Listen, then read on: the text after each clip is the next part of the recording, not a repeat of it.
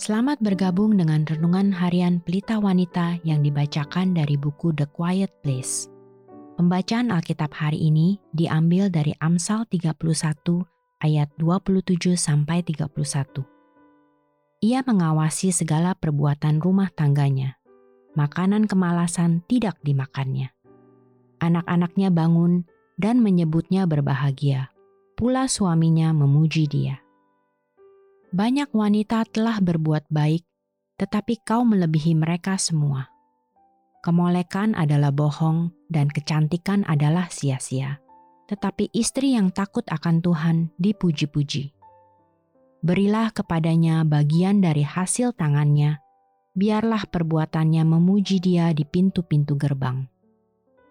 Ayat kunci hari ini adalah dari Amsal 31 ayat 27 ia mengawasi segala perbuatan rumah tangganya, makanan kemalasan tidak dimakannya. Upah seorang pelayan Salah satu hal yang paling mengesankan bagi saya mengenai perempuan saleh dalam Amsal 31 adalah bahwa ia sama sekali tidak mementingkan diri sendiri.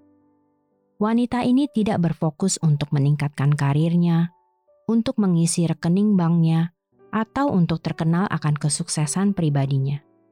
Sebaliknya, wanita ini terlihat pada dasarnya tidak peduli dengan kepentingannya sendiri, tetapi malah memilih untuk berkonsentrasi dengan bagaimana caranya ia dapat memenuhi kebutuhan sehari-hari suami dan anak-anaknya, dan juga orang lain di dalam komunitasnya. Orang mungkin akan tergoda untuk menyebutnya sebagai kaum yang tertindas, sebutan yang sering kali diberikan kepada para ibu rumah tangga masa kini. Namun coba perhatikan wanita ini sekali lagi. Dia berpakaian bagus, memiliki banyak makanan untuk dimakan, dan menikmati kehidupan emosional yang teratur dan stabil. Dia tidak duduk-duduk mengkhawatirkan masa depan atau memikirkan dengan rasa takut hal-hal buruk yang mungkin bisa terjadi. Sebaliknya, dia merasa aman dan puas.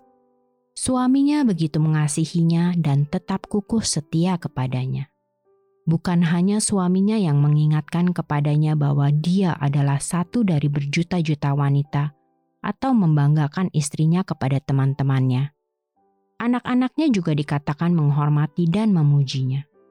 Siapakah yang tidak akan senang jika mendapatkan penghargaan yang sama? Tetapi Bagaimanakah wanita ini mendapatkan semua keuntungan yang disebutkan?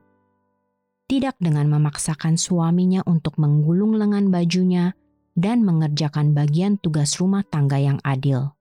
Walaupun tentu tidak ada salahnya bagi pria untuk membantu urusan di rumah.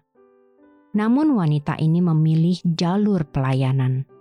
Dengan menjadikan kebutuhan keluarganya sebagai prioritas utamanya, prioritas yang urutannya hanya dikalahkan oleh hubungan pribadinya dengan Allah. Kita tidak akan bisa lebih serupa dengan Yesus selain daripada ketika kita melayani Dia dan orang lain.